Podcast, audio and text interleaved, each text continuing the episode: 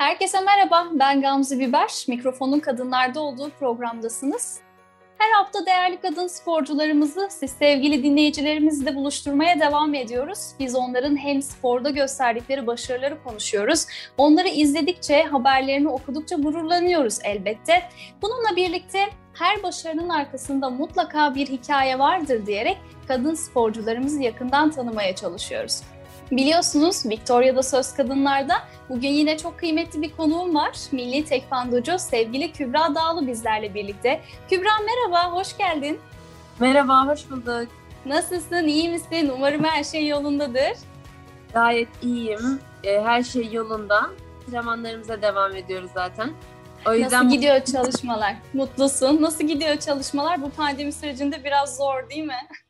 Kesinlikle öyle. Normalde e, evde geçireceğimiz bir süre. E, spor salonları kapalı ama e, biz Büyükşehir Belediyesi'ne bağlı sporcular olarak kulübümüz sağ olsun e, yurt dışı maçlarımız olduğu için kulübünü açtı. Burada kalıyoruz hiçbir şekilde dışarı çıkmamak kaydıyla.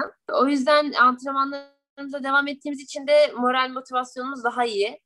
E, o yüzden daha iyiyim yani daha mutluyum. Sa- sakatlık falan da yok. O yüzden sıkıntı da yok yani. Şahane, süper. Çalışmalar tüm hızıyla devam ediyor. Çünkü önümüzde daha çok e, turnuvalar var değil mi? Katılacağımız yani yarışmalar var. Şahanesin. Şimdi herhalde İlk önce sana sorulan soru her zaman şu olmuştur. Yani neden tekvando değil mi? Her zaman bunu sormuşlardı. Ben de ilk olarak hakikaten e, onu çok merak ediyorum. Neden tekvandoyu e, tercih ettiğini. Şimdi araştırmalarıma göre işte baban e, eski boksörmüş, amcan işte tekvando antrenörüymüş. Herhalde onların biraz etkisi olmuştur diye tahmin ediyorum ama bu hikayeyi aslında senden dinlemek isterim. Aynen zaten e, sporcu bir ailemiz var. Hani başka bir e, buz pateni seçemezdim. İlla bir dövüş sporu olacaktı galiba. Bilmiyorum benim de kaderim buymuş. Ama neden boks seçmedim? E, babam e, ilkten ondan başlayayım. Babam yani sonuçta.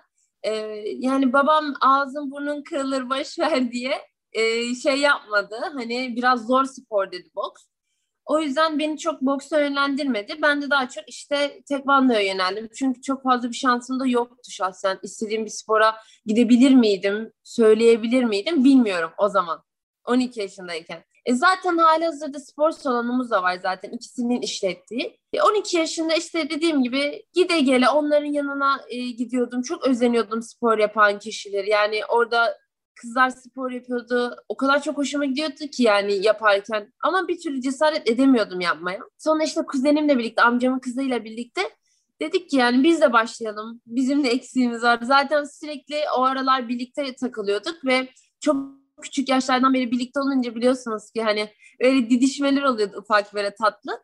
Annem de dedi yeter artık dedi. Burada birbirinizi yiyeceğinize gidin artık. atın dedi. Ee, biz de o şekilde aslında birazcık hani böyle amaçları e, olan bir kişi değil yani hiçbir şey bilmeyen öyle spor olsun diye sinirimizi ya da o enerjimizi atalım diye sinirimizi demeyeyim de yanlış tabir oldu enerjimizi atalım diye başladığımız bir spor oldu aslında. Dediğim gibi o günden beri başladık. Ben e, hiç bırakmadım ama kuzenim bıraktı tabii. Aslında o ben daha yetenekliydi bu arada. Sevdin ama herhalde değil mi? Evet ya ben zaten girdim. İlk başta aslında karateyle başladım bu arada. Yanlış olmasın. Karateyle başladım. Karateyi yaptım. Ee, yarışmalara falan da girdim ama dedim ki ya bu benlik bir spor değil. Daha sonra tekvandoya geçiş yaptım. Ya bizim aynı zaman şöyle anlatayım ya çok karıştı. Bizim tekvando salonunda aynı zamanda karate hocası da vardı. Ben karate e, karate ile birlikte başladım.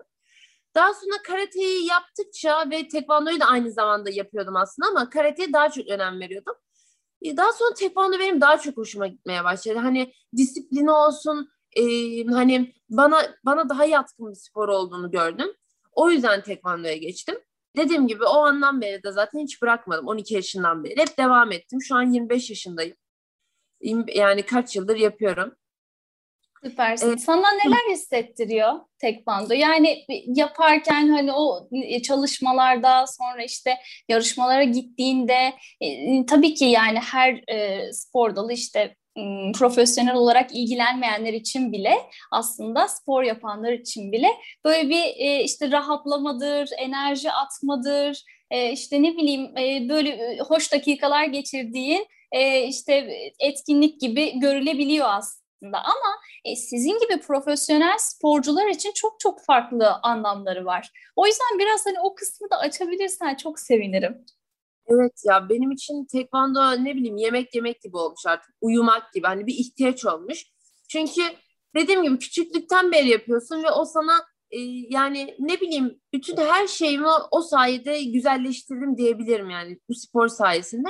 Çünkü ben e, Sakarya Üniversitesi'nde Spor Bilimleri Fakültesinde okudum. Yani bütün spor dallarıyla artık bir haşır neşirliğimiz oldu yani. Yani hepsini öğreniyoruz okuldayken. Ama e, tekvando yaparken ayrı bir heyecan duyuyorum. Bilmiyorum hani aşkla yapıyorum o sporu. Bir tutkuyla yapıyorum yani bir karşılık beklemeden. Hani e, ne bileyim şu an yarışmalar yok. E, bazı insanlar yarışmalar olmadığı için mesela çok üzgün çok üzgün oluyor. Hani bütün morali motivasyonu bitiyor. Çalışmak istemiyor mesela. Neye çalışacağız diyor haliyle. Aslında o da normal bir bakış açısı. Çünkü biz normal yani bir saat spor yapmıyoruz günde. Biz saatlerimizi veriyoruz. 6 saat yapıyoruz yeri geldiği zaman. Bunun haliyle de insan bir şeyin karşılığında bir hani görmek istiyor kendi şeyini ama e, ben şu şekilde düşünüyorum. Ben bu işi seviyorum. Sevdiğim için, yaptığım için de e, bu bana şey gelmiyor. E, ağırlık olarak gelmiyor yani. Onu yapmak istiyorum zaten ve mutlu oluyorum o spor yaparken. E, o yüzden benim için bir tutku diyebilirim gerçekten. Yemek yemek gibi uyumak aynı şey benim için. Kesinlikle haklısın. Aslında bir görev gibi görmüyorsun onu. Yani e, işte az önce bahsettin ya hani yarışmalar olmadığı zaman işte böyle e, morali bozulan işte sporcular da oluyor. Elbette ki bir hedefleri var. Tabii ki ona yönelik çalışmalarını hani yürütüyorlar ve işte o hedefe ulaşmak istiyorlar ama aslında e, temel amaç o değil. Yani sen onu artık hayatında içselleştirmişsin. O yüzden de e, her an, her dakika onun hazını bulaşabiliyorsun. Bu da gerçekten çok kıymetli. Şimdi biraz e, yaptığın aslında tekvandoyu da açmak istiyorum. Çünkü biraz daha farklı ve e, Emirhan Muran'la beraber özellikle çalışmalarını yürütüyorsun. O konuya da geleceğim. Biraz o tekvandoyu açabilir misin neler yaptığına dair? Şimdi tekvando üç kategoriden oluşuyor. İlkten bunu bahsedeyim. E, tekvandodan bahsedeyim ilk önce. E, tekvando Kore'nin atasporu. Çıplak el ve ayakla yapılan bir spor. E, belirli kurallara bağlı. Bu tekvandonun da üçe ayrılıyor. Krogi yani dövüş kısmı iki kişiyle yapılan e, yani iki kişinin karşılıklı korumalık e, korumalıkları giydiği ve dövüştüğü spor. İkincisi pumse Tekvando'nun temel tekniğinin buluştuğu ve onun koreografileştirilmiş hali. Yani şu an benim yaptığım kısım. Ve Kiyopka kısmı var. Kiyopka kısmı da kırış kısmı. Türkçesi kırış. Tekvando'nun temel teknikleriyle e, tahta kırıyorsun. E, yani yumruk olsun, tekme olsun, havada aksiyon e, hareketleriyle olsun onunla e, şey kırıyorsun. Ve ben bu tekvando'nun üç e, kategorisinde de yaptım. İlk başta dövüşle başladım. Daha sonra Pumse'ye geçtim ve şu an Pumse birlikte kırış kısmını da yapıyorum. Pumse dediğim gibi tekrardan şu anki şeyimi açmak olursak Pumse Tekvando'nun temel tekniklerini koreografileştirilmiş bir şekilde dışa vurumu ama sadece bu şey değil. Çizmek değil, o ruhu yansıtmak o ruhla birlikte yapmak. Genellikle buna havayı dövüyorsun gibi tabirler olsa da gerçekten çok zor. Kimi yumruk atıyor ama sadece atıyor. Kimi o yumruğu atarken o insana yani o vuruşu hissettirebiliyor. Önemli olan zaten budur. Bunu en güzel bir şekilde açığa vurmaktır. Sen anlatırken aklıma şu geldi işte tekvando denilince aslında Pumse çok da e, sanki böyle akla gelen bir hani e, bölünmüş gibi gelmiyor değil mi? Hele evet. hele şu son zamanlarda işte televizyon programlarında da çok fazla böyle işte kıranlar hani e, şeyleri e, mermerleri falan böyle kırıp da işte e, puan almaya çalışıyorlar diye yarışmalar. Evet. Hele de Türk halkı onu izledikten sonra yani tamam tekvando bu diye herhalde düşünüyordu. Pumse böyle çok bilinmiyormuş gibi geliyor bana. Kesinlikle. Zaten ben hani biz e, Türkiye'de e, Pumse'de derece yapmadan önce insanlar Pumse'nin adını bile bilmiyor. Halbuki Pumse de tekvandonun şeyi. Ve Pumse'yi bilemezsen zaten tekvandoda biliyorsunuz ki kuşak var. Beyaz, sarı, işte mavi, yeşil diye çıkıyor. Bunları geçemiyorsun zaten. O Pumse'yi bilmek zorundasın. E, Pumse, yani bu tekvandonun temelidir yani. Temelini bilmeden sen zaten keme, e, kemer atlayıp maçlara bile, dövüşe bile giremezsin normalde. Ama insanlar tabii bunu bilmediği için e, yani bunları daha çok duyurulmadığı için bu kısım.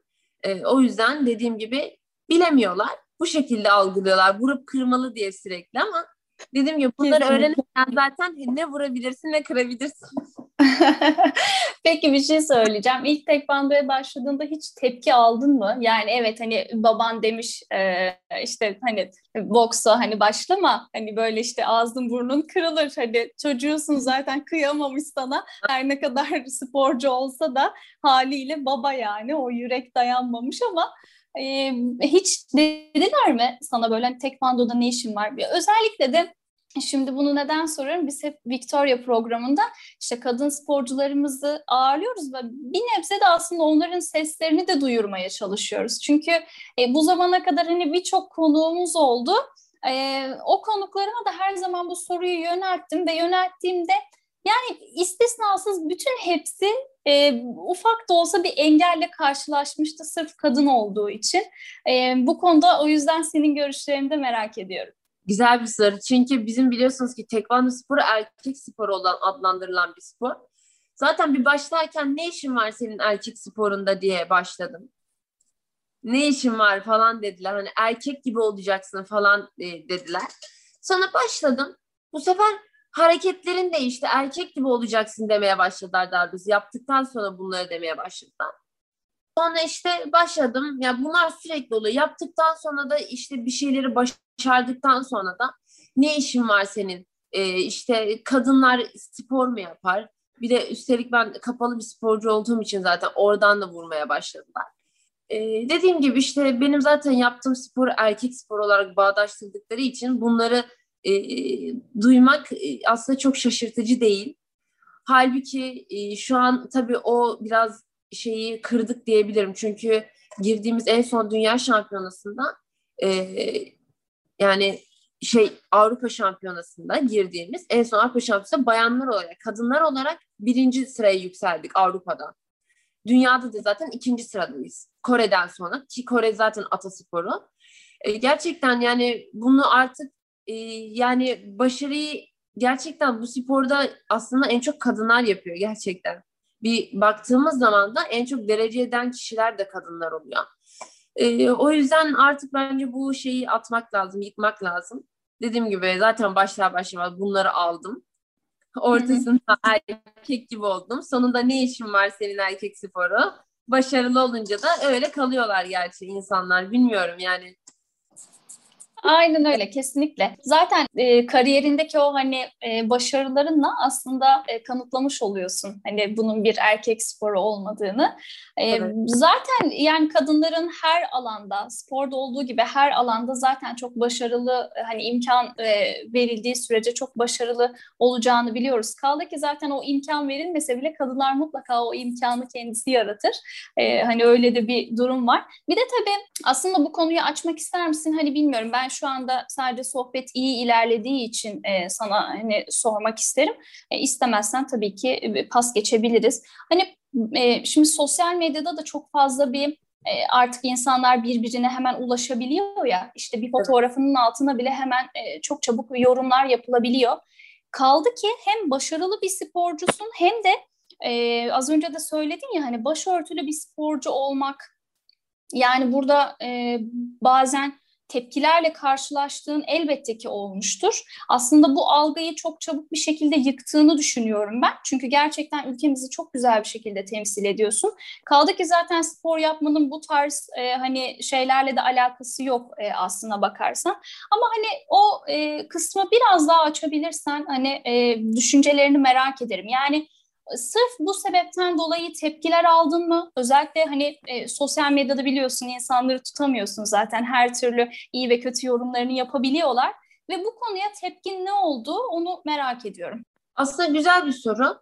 E, çünkü e, bu hepimiz ilgilendiren bir soru. Çünkü e, giyimi, kıyafeti olmamalı. Herkes spor yapması gerekiyor. Bu sağlık için de önemli zaten. Hem sağlık için hem çevre için. Yani spor bence hayatı güzelleştiren bir şey. Ve bunu insanların bir kıyafete göre bağdaştırması bana gerçekten çok saçma geliyor. Bir örnek vereyim sadece. Ben dünya şampiyonasından geldim. Dünya şampiyonu olmuşum. Mutluyum. Dedim ki Allah'ım sonunda hedeflerime, hayallerime ulaştım. Ne kadar çok sevinecek. Yani sonuçta Türkiye adına yarışıyorsun. e, sen orada kendin bir hitsin yani orada. Sonuçta yapacağın her şey Türkiye'ye kazandırılmış bir şey. İstiklal Marşı'nı okuyorsun orada. Okutmuşum dedim ki ne kadar güzel ülkeme çok güzel bir şekilde döneceğim. Bir döndüm dediğiniz gibi hayal kırıklığı. O zaman internetimiz çekmiyor. Ben e, paylaşmıştım o an hani Allah şükür işte dünya şampiyonu oldum diye resim paylaşmıştım. Ertesi gün bir baktım e, internet de çekmiyor daha doğrusu. Hani hocalar geliyor yanıma Kübra üzülme işte hani bir şey yok merak etme çok kötü yorumlar gelmiş çünkü neden?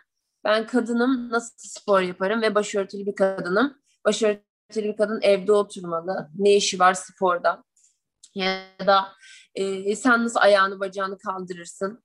E, ne işin var senin erkek sporunda? Git evinde temizlik yap, şey yap. Anladınız mı? Yani bu olay, mantık bu hiçbir şey yapamaz, hiçbir şey edemez kapalı insanlar ya da kadınlar daha doğrusu.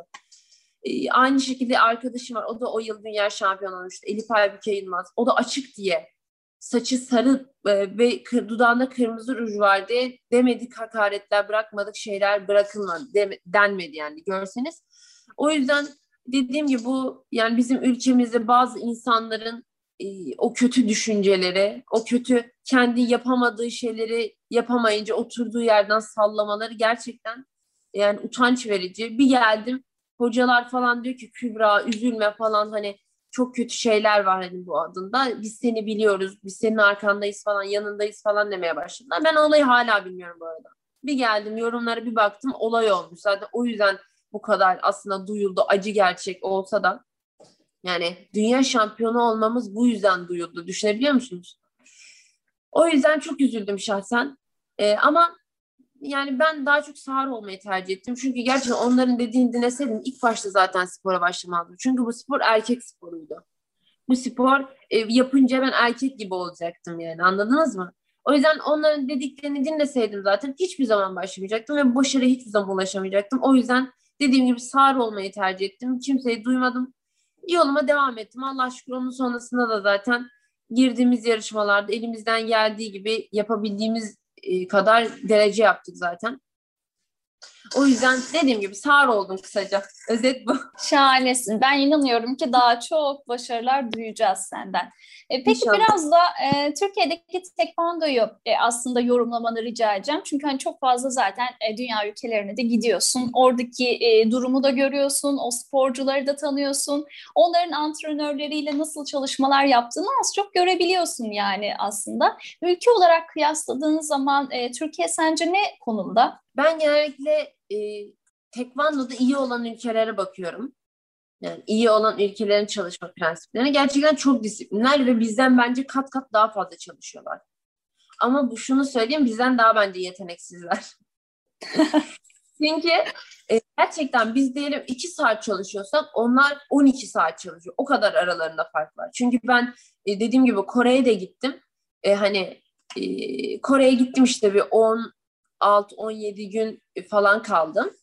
Ee, yani günde işte söyleyeyim bak 10'da kalkıyoruz, 10'da antrenmana başlıyoruz. Akşam 6'ya kadar durmadan 6'dan 7'ye kadar bir saat mola var yemek molası.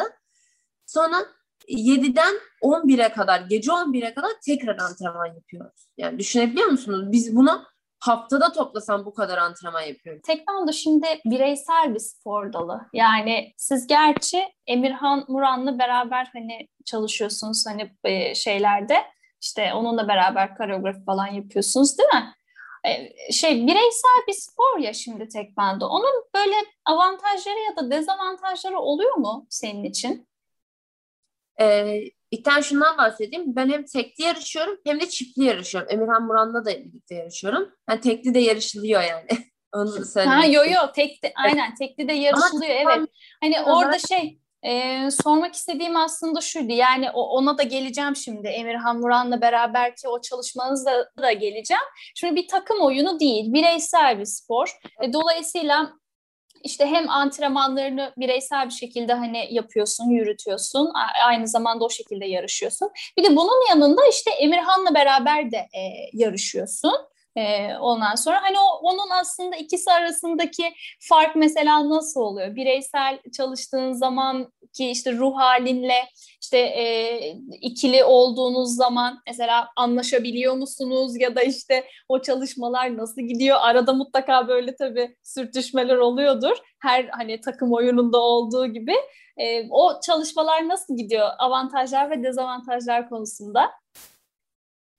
E, avantaj konusunda bence ferdi olmak yani tek başına yarışmak daha avantajlı. Çünkü yaptığın hata da senin e, yani yaptığın hata senin. Mesela ben bir yarışmada düşsem diyelim hareketi yanlış yapsam yanındaki kişiyi de yakmış olacağım. Ya da aynı şekilde o yapsa o da beni yakmış olacak.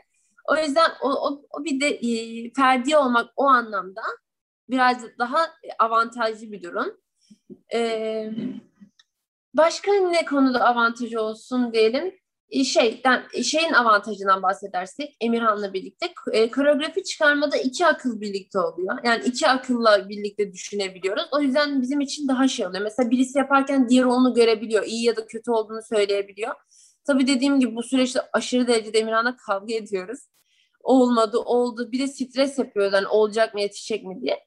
Ama o süreci güzel değerlendiriyoruz. Yani gerçekten hani yani dediğim gibi iki akıl bir olunca koreografi çok güzel çıkıyor. Yani ikimizin de kattığı güzellikler oluyor. O yüzden onu çok güzel yansıtabiliyoruz. Bir benim avantajlı olduğum konularda ben öne çıkabiliyorum. Onun avantajlı konularda o öne çıkıyor. Birbirimizi o şekilde böyle dengeleyebiliyoruz. O yüzden yani Emirhan'la güzel bir takım arkadaş olduk. Zaten 2014'ten beri birlikte yarışıyoruz.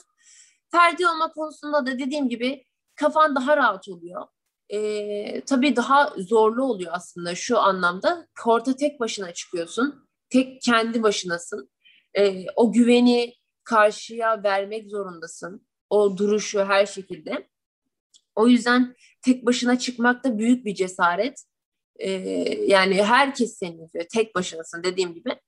Onun da o şeyi var işte dezavantajı mı diyeyim artık onu kendine göre avantaja da çevirebilirsin.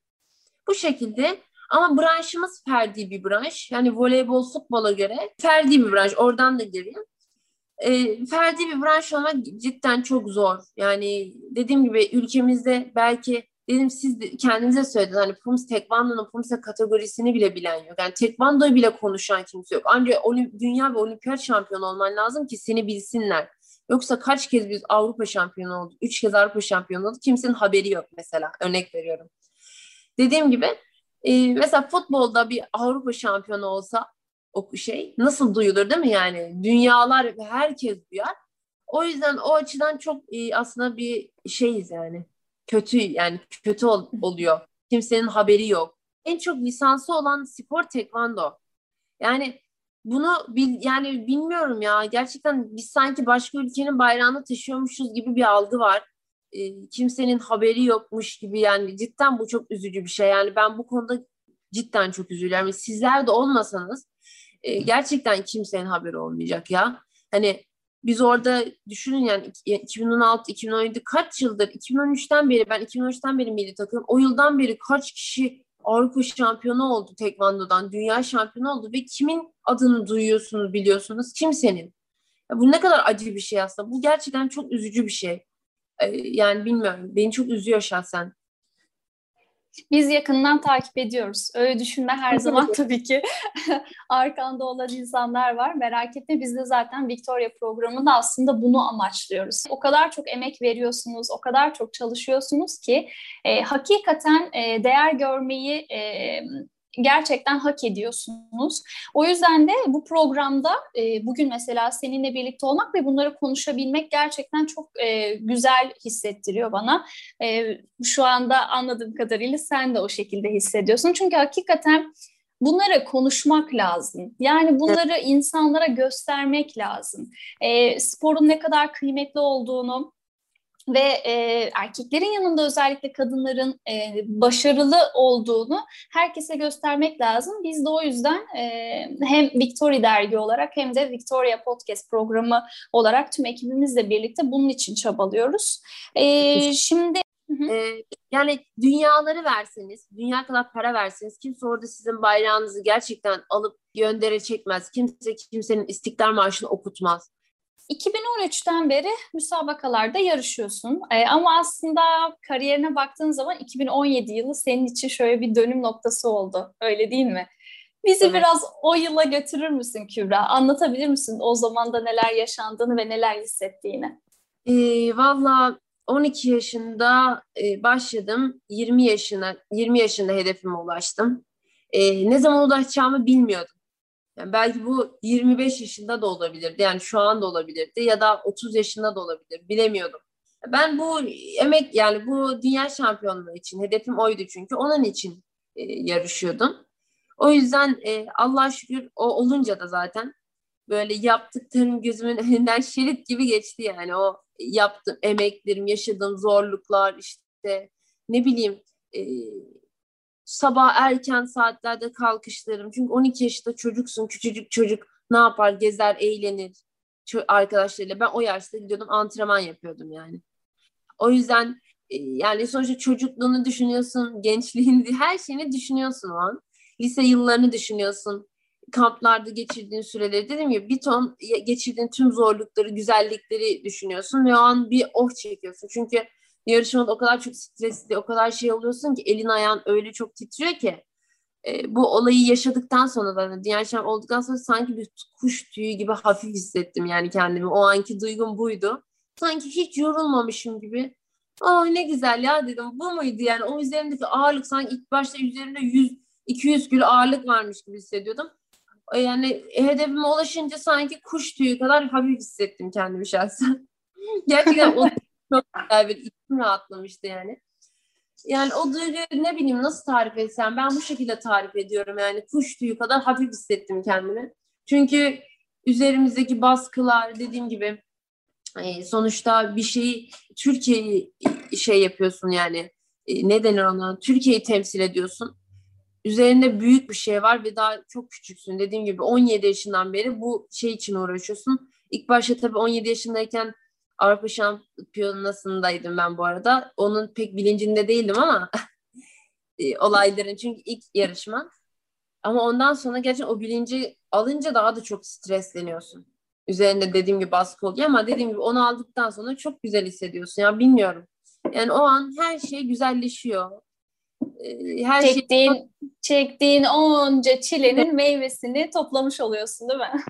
Aynen ya gerçekten böyle inanamıyorsun bir kere. Zaten ben, döndüm Emirhan biz dünya şampiyonu olduk. Evet evet olduk. Gerçekten falan diyorum ben böyle. O kadar komikti ki o an böyle herkese soruyoruz yani biz mi olduk falan diye. Gerçekten çok güzel ya. O an o o ana geri dönmek istiyorum ve o anı unutmak istemiyorum yani. Biliyorsunuz anılar yavaş yavaş siliniyor ya. Yani o anı unutmak istemiyorum. O yüzden tekrar tekrar yaşamak istiyorum o anı. Bir de o şey tadı alınca insan tekrardan almak, yaşamak istiyor anı. Öyle yani. Kısaca bu.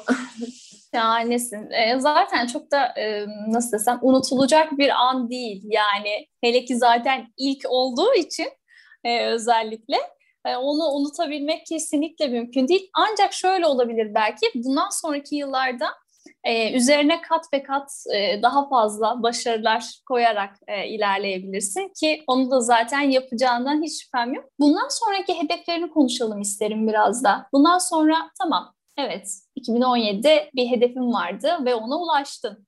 Ama bundan sonra e, Kübra'nın nasıl hedefleri var? E, bundan sonra Allah bir yarışma olursa ki zaten biz yarışma var diye çalışıyoruz.